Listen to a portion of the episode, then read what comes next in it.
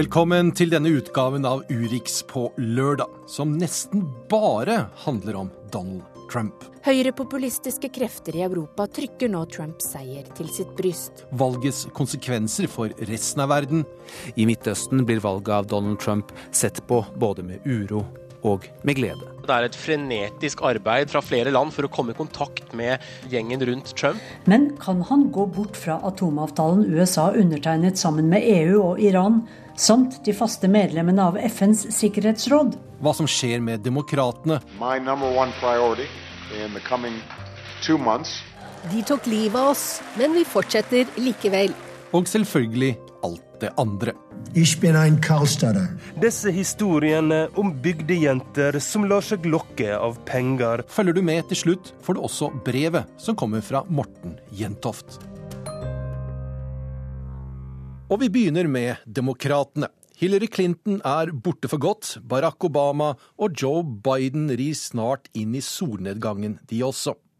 Det demokratiske partiet er i krise etter valgkatastrofen, som ga republikanerne kontroll over både Det hvite hus og begge kamrene i Kongressen. Hva gjør demokratene nå? Det er duket for en kamp om partiets retning fremover. I'll just say this. Hillary and I know well the wisdom and the William Faulkner. He said, they killed us, but they ain't whipped us yet. De tok livet av oss, men vi fortsetter likevel. Omtrent slik kan det tolkes William Faulkner-sitatet som demokratenes tidligere visepresidentkandidat Tim Kaine brukte like før Hillary Clinton holdt avskjedstalen til valgkampmedarbeiderne sine på onsdag. Det er en viss ironi i akkurat det sitatet fra romanen Absalom, Absalom. They killed us, but they ain't whopped us yet, er noe som blir sagt flere ganger av figuren Wash Jones.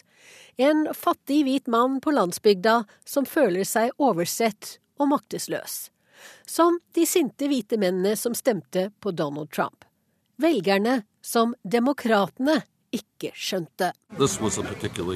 Election.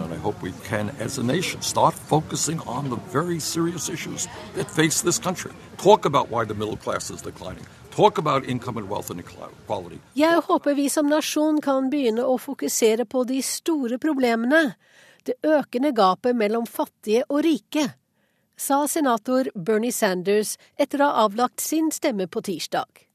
I dag er det mange demokrater som river seg i håret og lurer på hvordan det hadde gått hvis de hadde satset på ham i stedet for Clinton på ham som skapte voldsom entusiasme i nominasjonskampen blant de samme sinte arbeiderklassevelgerne og blant de unge. My candidate was, Bernie Sanders, and uh, I thought because I realized that he had represented change, and I thought that anything would be better than where we were going Jeg hadde tenkt å stemme på Bernie Sanders fordi han sto for forandring, og alt er bedre enn det vi har nå, sier Robert Blinkley i Wisconsin til nyhetsbyrået Ap. Men eh, progressive Sanders ble jo slått av Hillary Clinton, og 8. november havnet Blinkleys stemme hos Donald Trump. Trumps seier blant tidligere demokratiske velgere i Wisconsin, som Robert Blinkley, sikret ham også valgmannsstemmene som skulle til for å passere 270 og bli erklært som vinner av presidentvalget. Hillary Clinton besøkte ikke Wisconsin en eneste gang under valgkampen. Det er flaut for hele Det demokratiske partiet at millioner av arbeiderklassevelgere stemte på Trump, sier Bernie Sanders etter valget. Så hva gjør demokratene nå? Ekteparet Clinton, Hill og Bill, er nå borte, Barack Obama og Joe Biden følger snart etter. De etterlater seg et maktvakuum i partiet. Det er duket for en hard kamp om hva partiet skal være i fremtiden, og hvem som skal lede det. Det haster med det siste.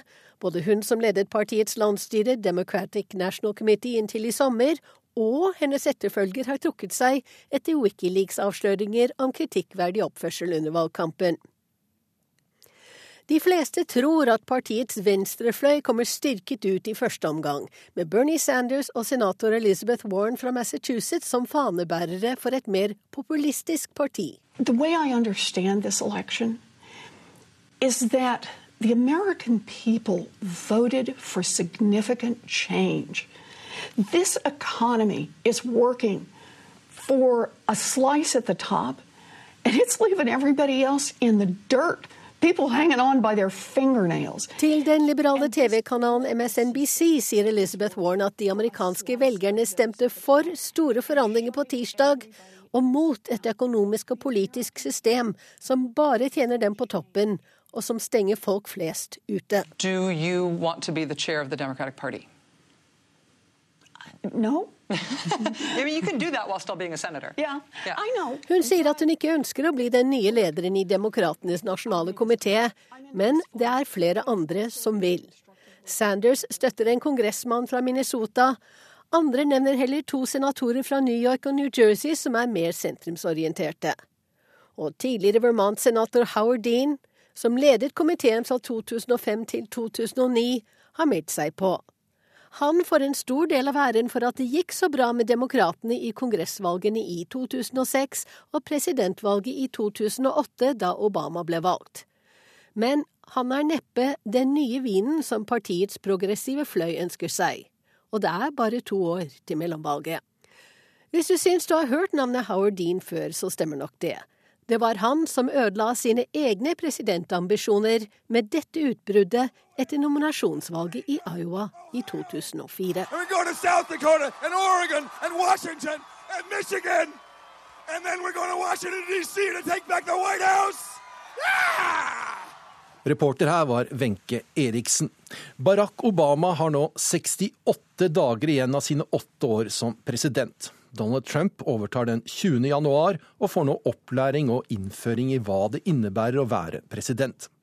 Inntil han tiltrer er Barack Obama landets ubestridte leder, og selv om han nå omtales som lame duck, så er han ikke vingestekket. My number one priority in the coming two months is to try to facilitate a transition that ensures our president elect is successful. Den viktigste oppgaven for Barack Obama i ukene fremover blir å gjøre overgangsperioden og selve maktoverdragelsen så smerteløs og problemfri som mulig. Ikke fordi han personlig ønsker å hjelpe Donald Trump, men fordi dette dreier seg om noe mer enn hva de to måtte mene om hverandre. Dette dreier seg om landet, folket og flagget, om USA som supermakt og verdenspolitikken, og ikke minst respekten for embetet. Og Donald Trump sa på torsdag at han vil lytte til presidentens råd. I very much look forward to dealing with the president in the future, including counsel. Men Obama er altså verdens mektigste mann i snaut ti uker fremdeles. Skjønt, en sittende presidents siste dager, fra hans etterfølger er valgt til han, og altså ikke hun denne gangen heller, tiltrer, kalles lame duck. President Obama er nå en lam and, direkte oversatt, i betydningen at det snart er slutt, slik det er for en skadd and som ikke lenger klarer å holde følge med flokken. Et ikke spesielt presist uttrykk, men innarbeidet, gammelt og godt, ifølge Keith Hughes sin historieblogg. So the term lame duck doesn't originate with politics. It actually originates from good old England in the 18th century when it was applied to stockholders who defaulted on their debts. You're such a lame duck. Uttrykket kommer opprinnelig fra England på 1800-tallet og henspilte på folk som ikke klarte å betjene sin gjeld. Advarselen var da at nå er du et lett bytte, du kommer til å lide samme skjebne som en skadet fugl, altså bli skutt som en lam and. It applies to a duck that can't keep up with the flock. What are you doing? You're falling behind, you lame duck. På den annen side, nå er det fritt fram for Obama. Det blir ikke en styrt overgang til Hillary Clinton som både ønsket og planlagt. Det blir en avvikling av en åtteårsperiode der etterfølgeren både har truet med og lovet å gjøre om på det meste av det Obama har fått til. Men Obama har ti uker på seg til å gjennomføre saker og ting han ikke har fått til, på tvers av den republikansk kontrollerte kongressens ønske. Og siden den påtroppende republikanske presidenten Trump vil få drahjelp fra et republikansk flertall i så vel Senatet som Representantenes hus, så må Obama handle nå, ved hjelp av de spesielle fullmaktene en president har. Kommentatoren Trace Dominguez mener riktignok at Obama lenge har styrt av det med stor suksess som lame duck-president, ved å bruke disse utvidede fullmaktene og dermed har han redefinert hele begrepet. In fact, Obama has been so successful as a lame duck president that some suggest he is completely redefining the label. Nå varer lame duck-perioden fra valget den andre tirsdagen i november til innsettelsen av ny president 20. januar. Uvanlig lang tid, vil mange mene. Men frem til 1937 var 4. mars innsettelsesdatoen. Lame duck-perioden var altså på rundt 120 dager, og i 1933 for eksempel var det skjebnesvangert, ifølge Trace Dominguez. An example of a politically weak lame duck president is Herbert Hoover in the 1930s. He couldn't improve Depression era conditions at the end of his term because everyone was waiting instead for FDR's federal overhaul. Midt i den økonomiske depresjonen var utgående president Herbert Hoover lame duck i fire måneder. Krisen vokste og elendigheten økte. Herbert Hoover, den lamme and, ønsket et mer aktivt samarbeid i overgangsperioden.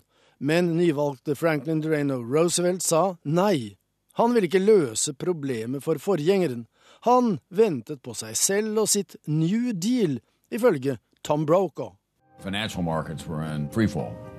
FDR came into office and said, We're going to have to deal with this. He said, We have nothing to fear but fear itself.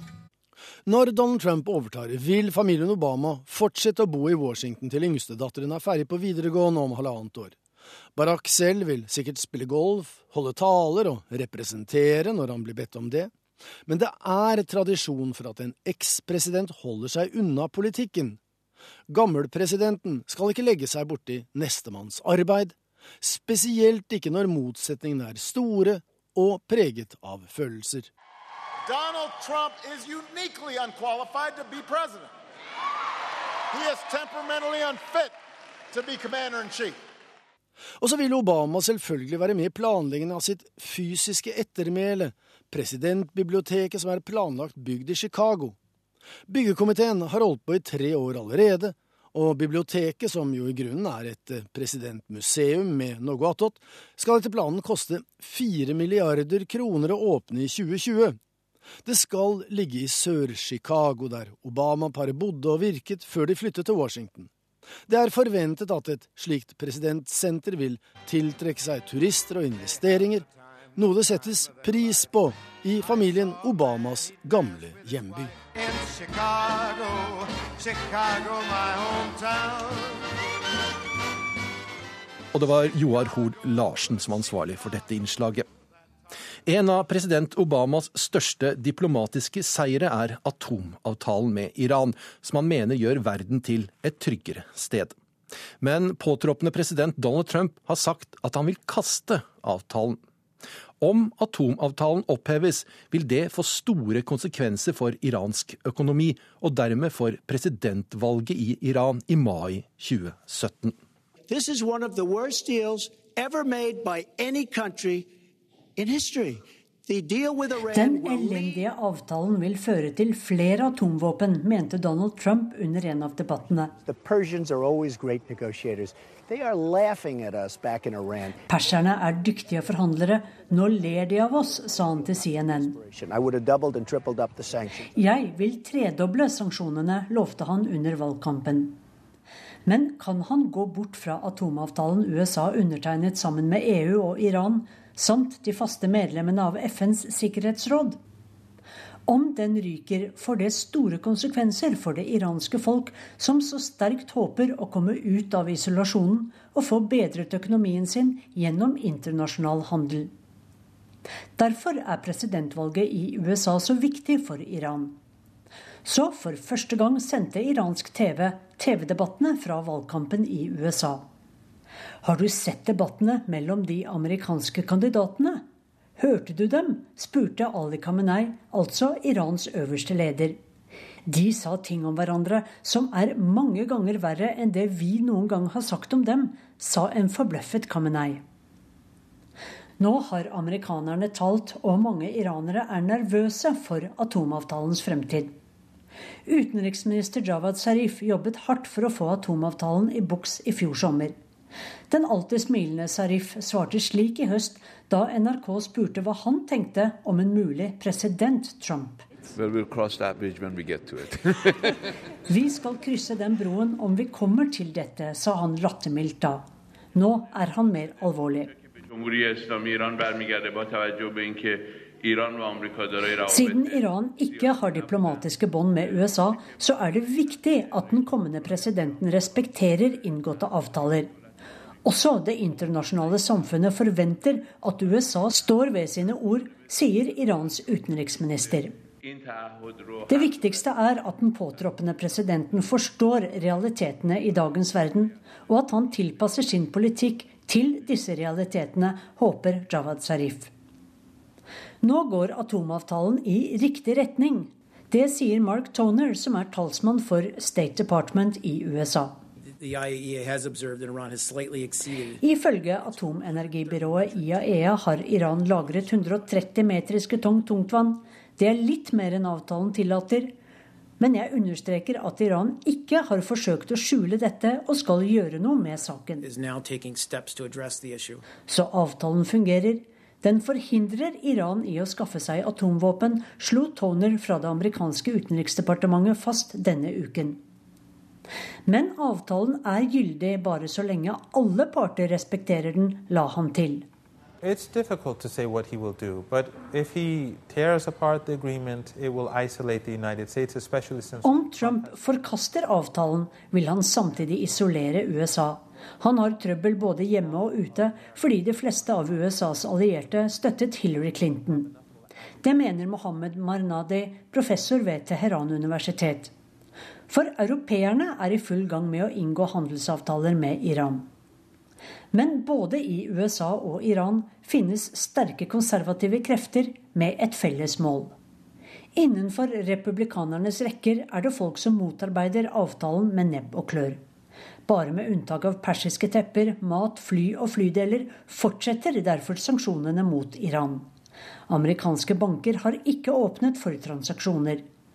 Konservative republikanere vil tekkes Israel og isolere Iran.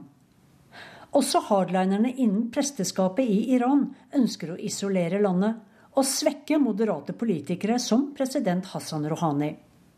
Hardlinerne frykter at vestlig påvirkning og moderne tankesett skal feste seg hos en ny generasjon iranere.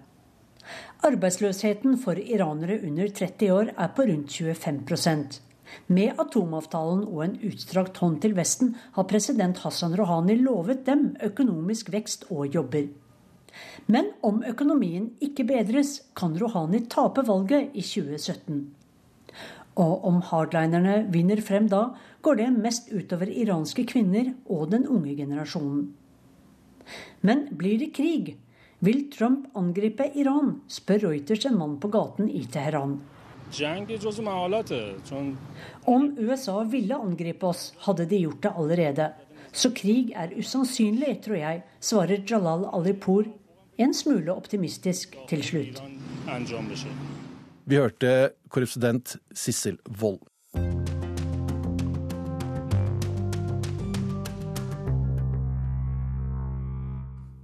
Et av de mange utenrikspolitiske områdene som det nå knytter seg mye usikkerhet til, er Asia. Hvilken betydning har det kommende maktskiftet for landene i den regionen? Jeg har snakket med vår Asia-korrespondent Peter Svaar om dette. Ja, Det er det akkurat nå ingen som er riktig sikre på her. og Det er et frenetisk arbeid som, uh, fra flere land for å komme i kontakt med personene og, og, og, gjengen rundt Trump for å prøve å dekode hva han har sagt som var valgkampretorikk, og hva han vil stå for som president. Dette har jo skapt stor usikkerhet, først og fremst når det gjelder sikkerhetspolitikk, men også når det gjelder handel og når det gjelder klimasamarbeid i første omgang, hvor uh, det han sa i valgkampen, jo vil føre til veldig store endringer uh, i denne regionen dersom det skulle bli aktuell amerikansk politikk. Men la oss tenke oss for et øyeblikk en handelskrig mellom USA og Kina som det har vært en del snakk om. Hvordan vil den i så fall bli seende ut? Ja, Trump kan jo innføre straffetoll med presidentfullmakter uten å gå gjennom eh, Kongressen. Han kan innføre straffetoll på 15% på kinesiske varer. Eh, Riktignok tidsbegrenset til 150 dager. Dette kan Kina i, så, eh, i sin tur klage inn til Verdens handelsorganisasjon, men det kan ta over et år før den klagen eh, blir behandlet. I mellomtiden kan Kina ramme kanskje særlig Boeing hvor uh, kinesiske flyselskaper jo er under ganske sterk statlig kontroll og uh, skal kjøpe inn en rekke rekke fly i årene som kommer. Der kan de bytte ut Boeing med Airbus f.eks. Kineserne jobber også med å utvikle sine egne eh, flytyper til sivil luftfart. De kan ramme Apple. Eh, de kan eh, f.eks. ramme disse edle sjeldne edle metallene som Apple trenger til produksjon av sine mobiltelefoner, som vil gjøre at prisen på en iPhone vil kunne gå kraftig i været. Og i ytterste konsekvens kan Kina også blokkere handel og skip i Sør-Kina-havet dersom, de dersom, dette virkelig spisser seg til, men det er få som tror at eh, det vil komme dit. Nå snakker vi bare om farene her, men er ikke Trumps seier også en mulighet for Kina? Jo, det er nok mange som ser uh, på Trump som en mulighet. Fordi uh, kanskje spesielt handelsavtalen Trans-Pacific Partnership, som Obama-administrasjonen i de løpet av de siste åtte årene har brukt veldig uh, mye prestisje på å få igjennom. Dette skulle jo bli verdens største handelsavtale med elleve land i Stillehavsregionen, som ikke inkluderte Kina, men som inkluderte nesten alle Kinas naboland. Denne handelsavtalen vil nå trolig være død. Trump vil aldri ratifisere den. Japan Japan ratifiserte den faktisk på torsdag, altså dagen etter det amerikanske valget. Abe, eh, Japans eh, statsminister Abe har fortsatt et håp om at, denne, om at, Obama kan få den gjennom Kongressen rett før han går av som president. Men dersom Trans-Pacific Partnership-avtalen blir borte, så betyr jo det at Kinas handelsavtaler som de har utviklet eh, parallelt, de eh, står nå mye sterkere. Og man kan se at mange land eh, velger å bytte side og heller eh, handle med Kina enn med USA. I Sør-Korea og Japan er det nervøst nå, men man er usikker på om Trump vil stå ved sikkerhetsgarantiene de har levd etter siden andre verdenskrig. Hva gjør de landene nå? De forsøker eh, å få tak i eh, kretsen rundt Trump og få en klarhet i hva han egentlig mener. Han har jo i valgkampen vært veldig kritisk til eh, Japan og Sør-Korea. Ment at de må betale mer for sitt forsvar. At USA ikke kan bruke en masse penger på å forsvare land som ingen i dette rommet har hørt om, som han sa på et av sine valgkampmøter. Så dette er jo på mange måter den samme beskjeden han også har gitt til Nato, og som har skapt veldig kraftig uro også blant mange østeuropeiske medlemsland i Nato. Ehm, eh, Japans eh, statsminister Abe skal møte Trump i New York på onsdag på vei til APEC-toppmøtet i Peru. Ehm, Sør-Koreas president Park, som står midt i en politisk krise i sitt eget land, har vært på telefon med Trump. Den sørkoreanske versjonen av den telefonsamtalen er at Trump da sa at vi skal fortsatt stå sammen og vi skal være sterke, men det er klart det står 28 000 amerikanske soldater på sørkoreansk jord. Eh, det er et spørsmål om eh, Trump vil eh, forplikte seg til å fortsatt betale for det store amerikanske nærværet. Og så er det et spørsmål om rakettskjoldet som kalles TAD, Terminal High Altitude Area Defense, som skulle innføres innen åtte til ti måneder, altså innen første halvdel av neste år. Det var jo et svar på Nord-Koreas atomopprustning og skulle beskytte Japan og Sør-Korea mot nordkoreanske raketter. det rakettskjoldet er jo også nå i spill. Det er spørsmål om uh, det vil bli noe av. og Det er den type avklaringer som nok haster ganske mye i Japan og Sør-Korea akkurat nå. Dersom uh, Trump svekker alliansen med disse landene, hva kan skje i Japan? Og hva, hva kan skje i Sør-Korea? Ja, I begge disse landene så er det jo konservative krefter som i en stund nå har argumentert for at man må styrke sitt eget uh, forsvar. Japan har jo fortsatt artikkel 9 i grunnloven, eh, pasifistparagrafen, som sier at Japan ikke skal uh, ha offensive militærstyrker en bestemmelse som ble nedtegnet eh, eller kladdet av en amerikansk general om bord på et krigsskip rett etter andre eh, verdenskrig. Det har jo president Abe og en konservativ klikk rundt ham i flere år forsøkt å endre til veldig sterk folkelig motstand. Mange i Japan husker jo eh, Hiroshima og Nagasaki og krigens lidelser. De ønsker ikke et militarisert Japan på nytt, men det er altså konservative krefter i Japan som lenge har jobbet for å fjerne denne begrensningen, og at Japan igjen kan, eh, kan øke sin forsvarskapasitet. I Sør-Korea er det eh, tilsvarende konservative krefter som mener at Sør-Korea bør få sitt eget atomvåpenprogram.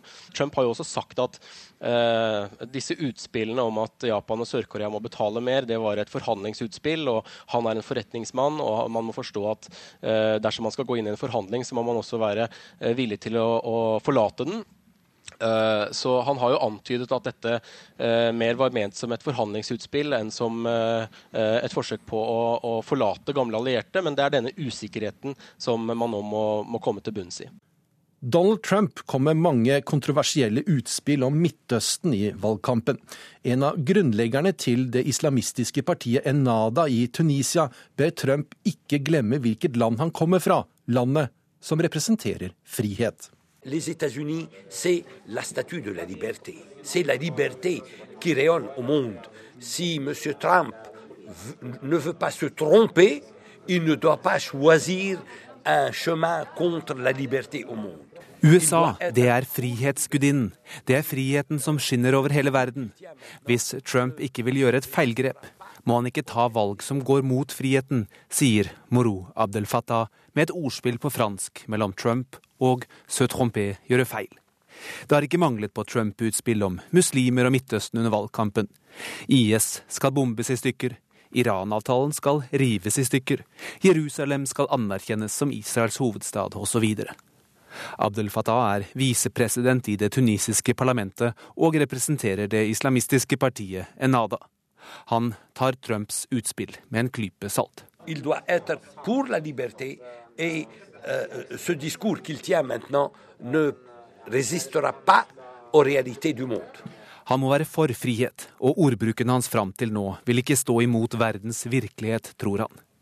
Vi treffer ham etter en konferanse på Norsk utenrikspolitisk institutt i Oslo, et sted hvor det amerikanske valgresultatet både vil bli studert og diskutert i månedene og årene som kommer. I Midtøsten blir valget av Donald Trump sett på både med uro og med glede. Blant dem som later til å tro at de har fått en likesinnet inn i Det hvite hus, er regionens autoritære ledere, f.eks. Egypts president Abdel Fattah al-Sisi. Innenfor hans regime er det mange som tror at de nå skal få økt hjelp i kampen mot Det muslimske brorskapet og andre mer ytterliggående islamistiske organisasjoner. Sisi var en av de første som ringte for å gratulere Trump med valgseieren, og møtte også Trump i høst i USA. Abdel Fattah, som representerer et parti som sprang ut fra Det muslimske brorskapet, men som nå har programfestet et skille mellom religion og politikk, har liten tro på at Egypt skal få mye støtte av Trump.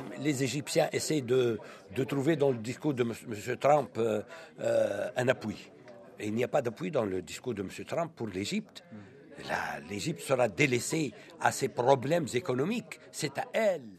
Egypterne forsøker å finne støtte i Trumps taler. Det er ikke noen støtte for Egypt der. Egypt kommer til å bli overlatt til sine egne økonomiske problemer, sier han, og ser heller valget av Trump i lys av de siste årenes styrking av det ytre høyre overalt i verden, særlig i Europa, og en manglende vilje til å ta internasjonalt ansvar, som han mener brexit-avstemningen var et uttrykk for. Men mange i Midtøsten har ikke glemt Trumps nedsettende kommentarer om muslimer under valgkampen og innenfor jihadistmiljøer ser man på Trumps seier som en mulighet til å øke kontrasten mellom dem og Vesten. Tunisia er det eneste landet som har fått til en demokratisk maktovergang etter den arabiske våren. En av nøklene var at det store islamistpartiet valgte å fortsette i systemet heller enn å stå på utsiden.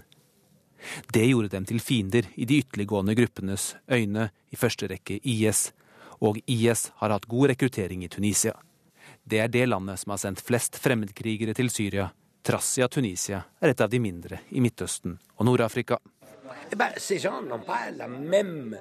le même point de vue que nous. Ils sont contre nous, nous sommes contre eux.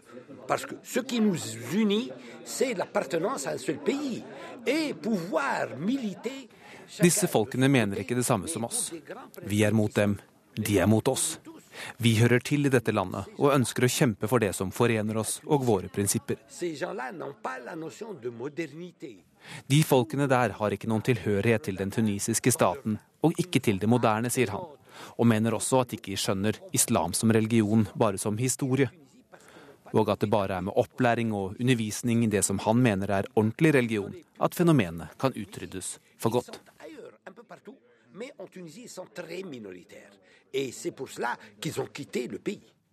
Det var reporter Sigurd Falkenberg Mikkelsen som hadde truffet visepresidenten i det tunisiske parlamentet.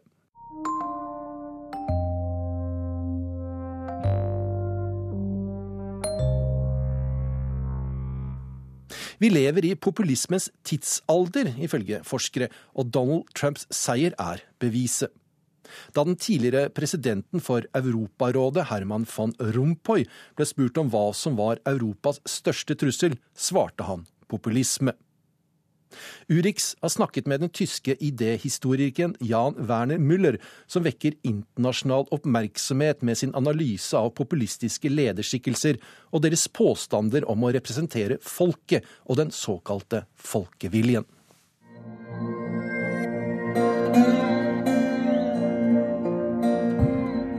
Donald J. Trump is calling for a total and complete shutdown of Muslims entering the United States. They're bringing drugs, they're bringing crime, they're rapists. Det var tidlig klart at det var mange som ikke passet inn. Som ikke representerte det ekte Amerika, ifølge Donald Trump. Og skulle man få landet på rett kjøl, måtte korrupte politikere, ja store deler av hele det politiske systemet, kastes på båten. This election will decide whether we are ruled by a corrupt political class. You've been watching what's going on. Hey, folks, the system is rigged. It's rigged, okay? All of us as citizens are supposed to be critical with elites, hold the government, the powerful accountable and so on. Alle skal forholde seg kritiske til makten. Det ligger i demokratiets natur. Men det som skiller en populist fra dette, er oppfatningen av at ham, og bare ham, representerer det ekte folket, sier den tyske idehistorikeren Jan Werner Müller ved Princeton-universitetet i USA. The populist usually says I and only I represent what, what populists then tend to call the real people. Now, that might sound relatively harmless, but it has two consequences which are immediately detrimental. Det kan virke ufarlig, men for demokratiet kan det være fatalt, sier Müller. Han høster internasjonal anerkjennelse for sin ferske bok Hva er populisme?, der han advarer mot populistenes retorikk. For ifølge ham handler det om ekskludering, om å konstruere en identitet, der selv personer som har statsborgerskap og et pass, likevel ikke hører hjemme. He said the important thing is the unification of the people, and all the other people don't matter. That's pure populism. He decides who is really part of the. Og det stanser ikke der. For heller ikke institusjonene som demokratiet er tuftet på, holder vann, ifølge populisten. Totally Populists will basically say that all other contenders for power are illegitimate. And this is not just about policy disagreements, this is moral, this is immediately a character issue. They make it personal. Populister vil hevde at alle andre kandidater er uekte, og da handler det ikke om politiske feider, men om moral og karakter. De gjør det personlig, og Donald Trump er intet unntak, ifølge Müller. Now, Donald Trump, of course, has been extreme in this regard, calling his opponent corrupt, somebody who needs to go to jail. Vi lever i populismens tidsalder, ifølge forskere, og Trump har tatt den helt ut. Well, he's the same as populists in Europe. He is unique, I think, in basically having moved way beyond what used to be called dog whistling in terms of sending relatively subtle messages about who is excluded, sending relatively subtle messages essentially about racism. It's been so much out in the open. There's never been anybody at this level who's questioned essentially to the Constitution and threatened to Han er som populister i Europa, men nøyer seg ikke med å sende subtile meldinger. Her får folk sitt pass påskrevet på rasistisk vis, sier Müller. Ingen har noen gang brukt så nedsettende ord om ulike befolkningsgrupper, eller stilt spørsmål ved selve grunnloven og truet med å bryte den, slik Trump gjør, påpeker Müller. Høyrepopulistiske krefter i Europa trykker nå Trumps seier til sitt bryst, mens en rekke europeiske politikere advarer mot en internasjonal autoritær bølge. Den tyske visekansleren Sigmar Gabriel mener Trump er en pioner av en ny autoritær og sjåvinistisk internasjonal bevegelse. Han er også en advarsel for oss, sier Gabriel. Now it's time for America to bind the wounds of division. have to get together. I sin takketale mante Trump til forsoning. Men er det stikkordet for presidenten vi kan vente oss i januar? Will he basically govern by dividing? So far, that's been his strategy. He has constantly excluded certain people. He has morally attacked certain minorities. Splitt og hersk har vært hans strategi så langt. Og jeg kjenner ikke til mange 70 år gamle menn som forandrer seg totalt. Spesielt ikke hvis de har hatt suksess, sier Jan Werner Müller. Nothing breeds success like success. I don't see why he would change. Charlotte Bergløff orienterte. Donald Trump sine besteforeldre var utvandrere fra en bitte liten tysk bygd som heter Kallstadt. Men Donald Trump selv ville lenge ikke vedkjenne seg sine tyske aner. I boken The Art of the Deal fra 1987 skriver han at det var Karlstad i Sverige besteforeldrene kom fra. Korrespondent Guri Nordstrøm har laget denne reportasjen.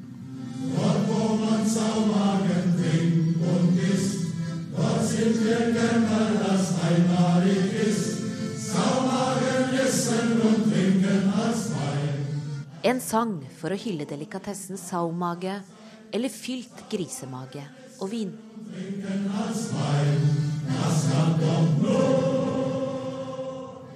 Dette er Donald Trumps Tyskland. Den lille bygda Kallstadt i Rheinland-Pfalz med 1200 innbyggere sørøst i Tysklands vindistrikt.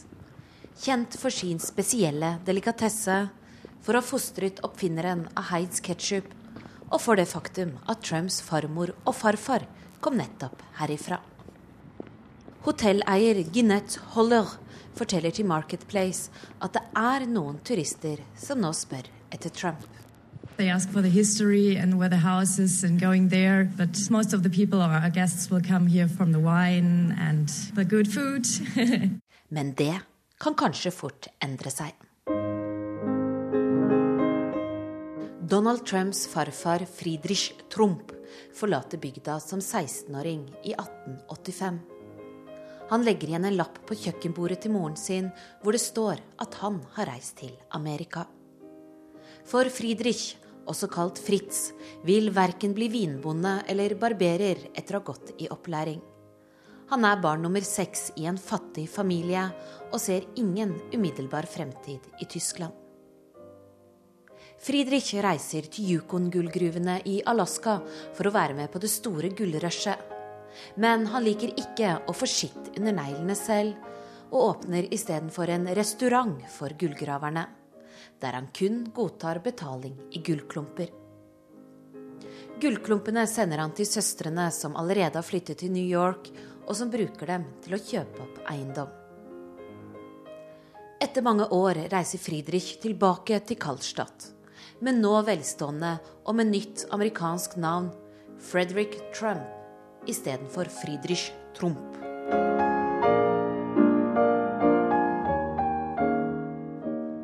Han gifter seg der med nabojenta Elisabeth Christ og tar henne med seg tilbake til New York. De får sønnen Fred sammen, som senere blir far til Donald. Men Elisabeth får hjemlengsel, og i 1904 flytter ekteparet tilbake til Kallstadt. Lykken blir kortvarig.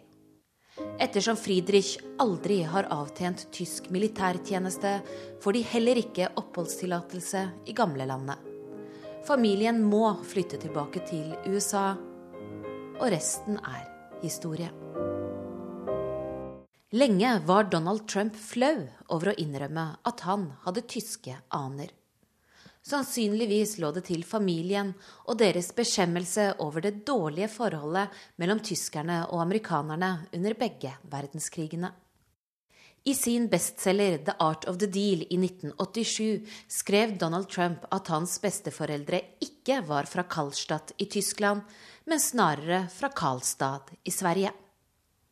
Men da han ble oppsøkt av den tyske dokumentarfilmskaperen Simone Wendel, som selv er fra Kallstadt, og som var på sporet etter hjembygdas store sønner i filmen Kings of Kallstadt, fikk pipa en annen lyd. My grandfather, Frederick Trump, came to the United States in 1885. He joined the great gold rush. He did fantastically well. He loved this country. So they were from Germany. I have great German heritage. I'm very proud of it. Great place, but we all love the United States the best. But you know what? I love Karlstad also. Og fritt etter en litt annen president, sa han også i samme film. Ich bin ein Karlstadter. Men USAs påtroppende president har aldri besøkt bygda.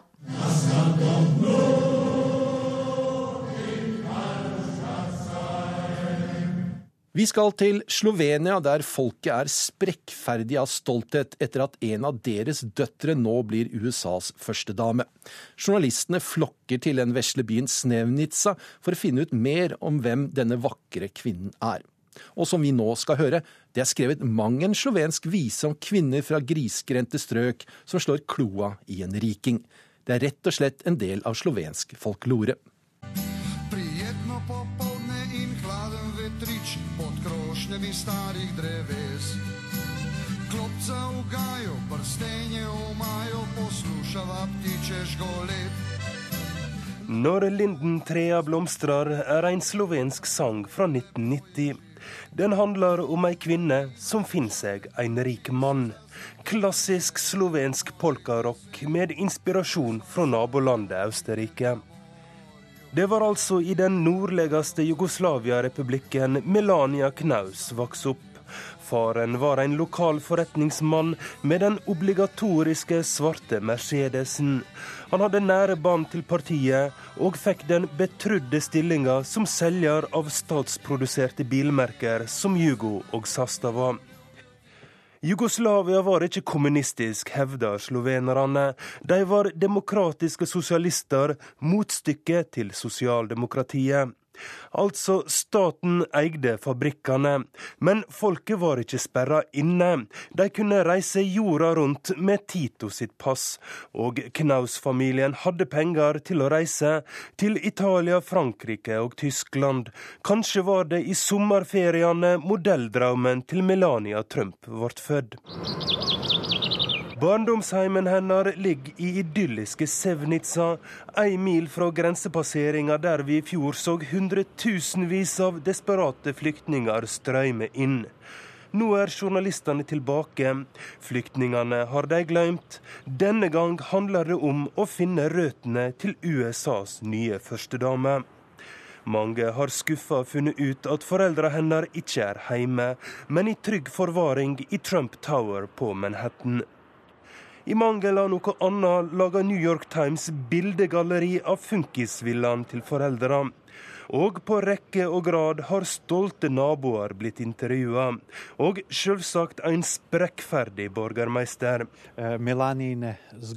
Som mener journalistene er i overkant fordomsfulle mot Donald Trump. Sjøl den venstre-radikale filosofen Slavoj Sisek har vansker med å si noe stygt om Trump. And I don't think there is really some. Trump er bare et symbol på den generelle samfunnsutviklinga, mener Sisek. Donald Trump was unflatteringly compared to a man who noisily defecates in the corner of a room. With, uh, I claim, but are others really any better? Det vi må spørre oss om, er rivalene til Trump så mye bedre? Mener Melania Trumps landsmann Slavoj Sisek. Nå skal det sies at gode kjelder i Lubliana kan bekrefte at det foregår en god del garderobeprat om Melania Trump for tida. Samtidig er det jo en del av den slovenske folkloren, disse historiene om bygdejenter som lar seg lokke av penger, som i sangen fra 1990.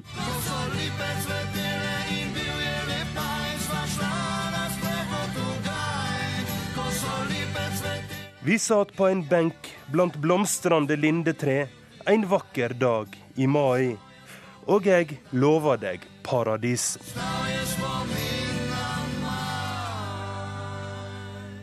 Reporter her var Roger Severin Bruland, og om 45 minutter, omtrent i ukeslutt, kan du høre hvordan det gikk da den utsendte fra den redaksjonen besøkte hjembyen til Melania Trump.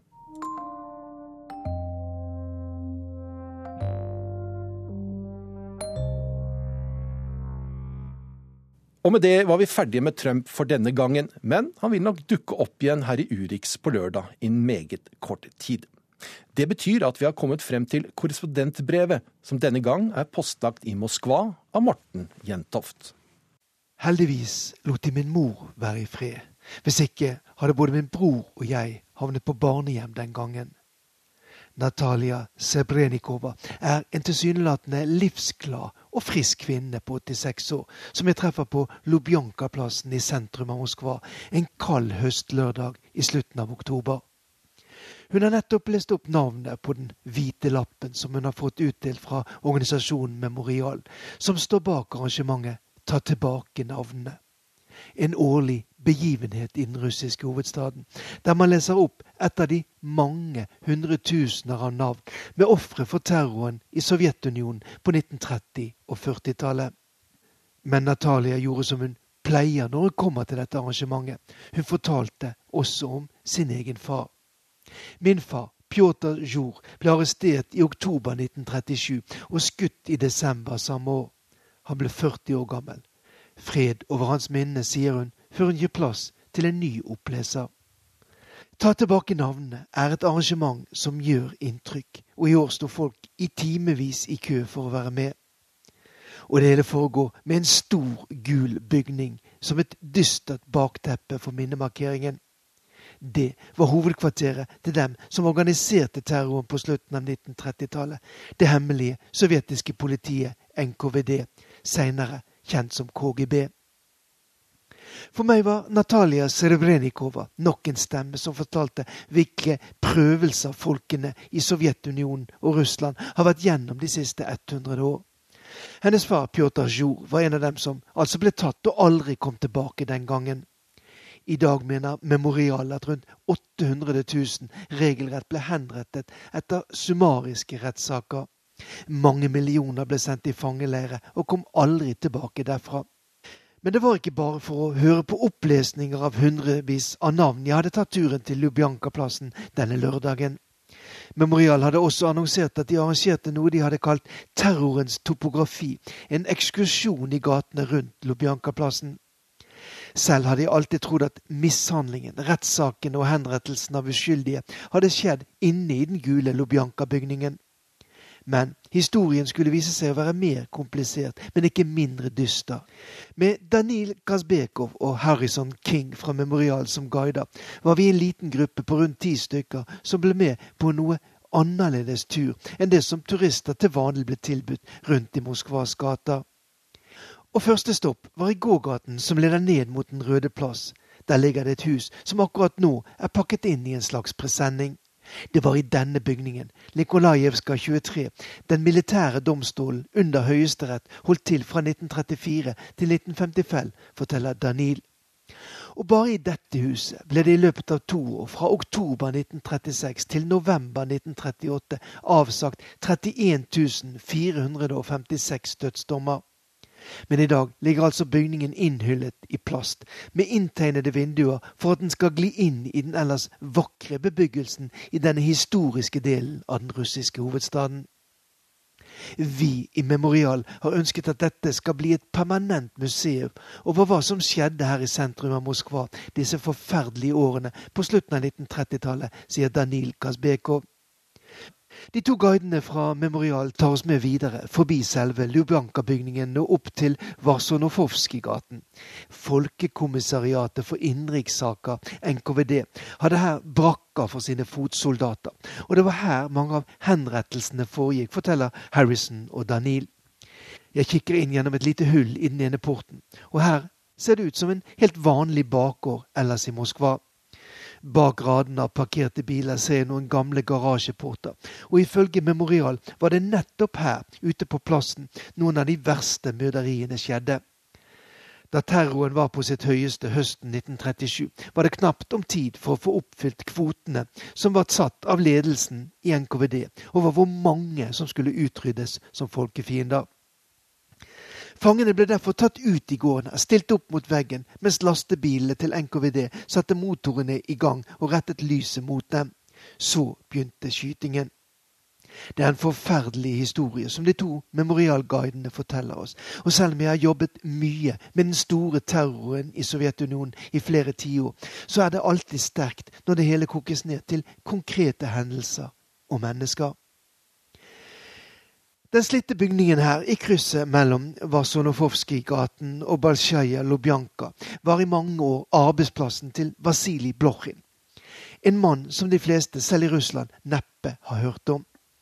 Men Blochin kan gå inn i historien som en av de mest effektive bødlene som verden noen gang har sett. Offisielt var han kommandant og sjef for fengselet i Lubjanka, NKVD-hovedkvarteret. Men han viste tidlig en brutal effektivitet som påkalte oppmerksomheten til selveste Josef Stalin, sovjetstatens enehersker fra slutten av 1920-tallet. Da Stalin bestemte at lovens strengeste straff, døden ved skyting, skulle brukes for å renske ut alt som kunne lukte av motstand mot regimet, var det Blochen som fikk i oppgave å sørge for at dette skjedde i praksis. Blochin ikke bare overså at hans medarbeidere utførte henrettelsene. Han hadde selv fingeren på avtrekkeren, bl.a. da Stalins tidligere kamerater for revolusjonen i 1917, Sinovjev og Bukharin, og stjernegeneral Mikhail Tukhatsjevskij skulle henrettes. I 1940 ble så Blochin sendt til Smalensk for å ta seg av tusenvis av polske offiserer og intellektuelle. Han skjøt i gjennomsnitt én fange hvert tredje minutt. I løpet av en knapp måned hadde han myrdet nærmere 7000 polakker, noe som gjør ham til den mest effektive bøddelen i verdenshistorien. Etter Stalins død ble Blochin skjøvet til side, og flere kilder forteller at han ble gal og skjøt seg selv i 1955. Men på den prestisjetunge Donski kirkegården står fremdeles hans store gravstein med et ortodoks kors risset inn. Det er mer enn de hundrevis av ofre for hans pistol som ble lagt i en massegrav like ved fikk. Men her er mange paradokser som dukker opp når vi vandrer nedover forbi den gamle polske katolske kirken på Miljotinskij-gaten. Her ligger også et mindre hus, bygget i den moderne funkisinspirerte stilen som de nye sovjetmyndighetene var så begeistret for de første tiårene etter revolusjonen. Og her bodde den tidligere NKVD-sjefen Genrik Jagoda, forteller Danil Kazbekovos. Kommunisten Jagoda flyttet altså inn her med sine venner da han sto på høyden av sin makt på begynnelsen av 1930-tallet. Da ledet han bl.a. byggingen av Kvitsjøkanalen i Karelen, og kunne tillate seg både fest og moro i det nye, flotte treetasjes bygget ikke langt fra hans kontor på Lubjanka-plassen. Men revolusjonen har en stygg tendens til å sluke sine egne, og slik skulle det gå med både Jagoda og elleve av de andre NKVD-offiserene som bodde her på Miljotinskij-gaten nummer ni. De ble alle offer for Vasilij Blokhins og hans bødlers kuler. Men hva er hensikten med å rippe opp i disse detaljene, spør mange av mine russiske venner. Alt dette vet vi jo. Det var galt og forferdelig, det som skjedde den gangen. Nå må vi komme oss videre. Men problemet er at dette ser ut til å være et kapittel i russisk historie som er i ferd med å gå i glemmeboken. Da jeg for en tid tilbake var i byen Perm, noen timers flytur øst for Moskva, kom jeg i en kraftig diskusjon med en mann som mente at tallet på ofre for terroren var overdrevet, og at Stalin hadde gjort mye bra, ikke minst for å vinne annen verdenskrig. Jeg tenker litt på dette mens vi vandrer tilbake til Lubjanka-plassen. Der køene fortsatt er lange av mennesker som vil lese opp noen av navnene for terroren på 1930-tallet. Det er ikke slik at dette er en historie som er fortiet i Russland. Til neste år skal det avdukes et stort minnesmerke i Moskva for dem som ble drept eller satt i fangelær under sovjetstyret. Og Russlands president Vladimir Putin har mange ganger sagt at det som skjedde, ikke skal stikkes under en stol. Men samtidig ser vi at det avdukes nye statuer av Stalin mange steder i Russland, og heltedyrkingen av det som han gjorde under annen verdenskrig, når nye høyder. Mange har etterlyst et lignende oppgjør i Russland med terrorstyret til Stalin, som det som tyskerne har gjort med Hitler og nazismen. I Berlin har tyskerne laget sitt store topografi des Terrors på den tidligere prins Albrecht-strasse, et mektig minnesmerke over hvordan politiet ble brukt av maktapparatet til de mest grusomme handlinger. Aktivistene i Memorial sier at akkurat det nok i dag er en ganske fjern tanke i Russland. Det russiske sikkerhetspolitiet FSB har røtter direkte tilbake til KGB og NKVD. Samtidig skjer det altså på noen områder forsøk på å rydde opp i historien. Moskva har bl.a. fått et nytt og gripende museum over fangelærsystemet Gulag.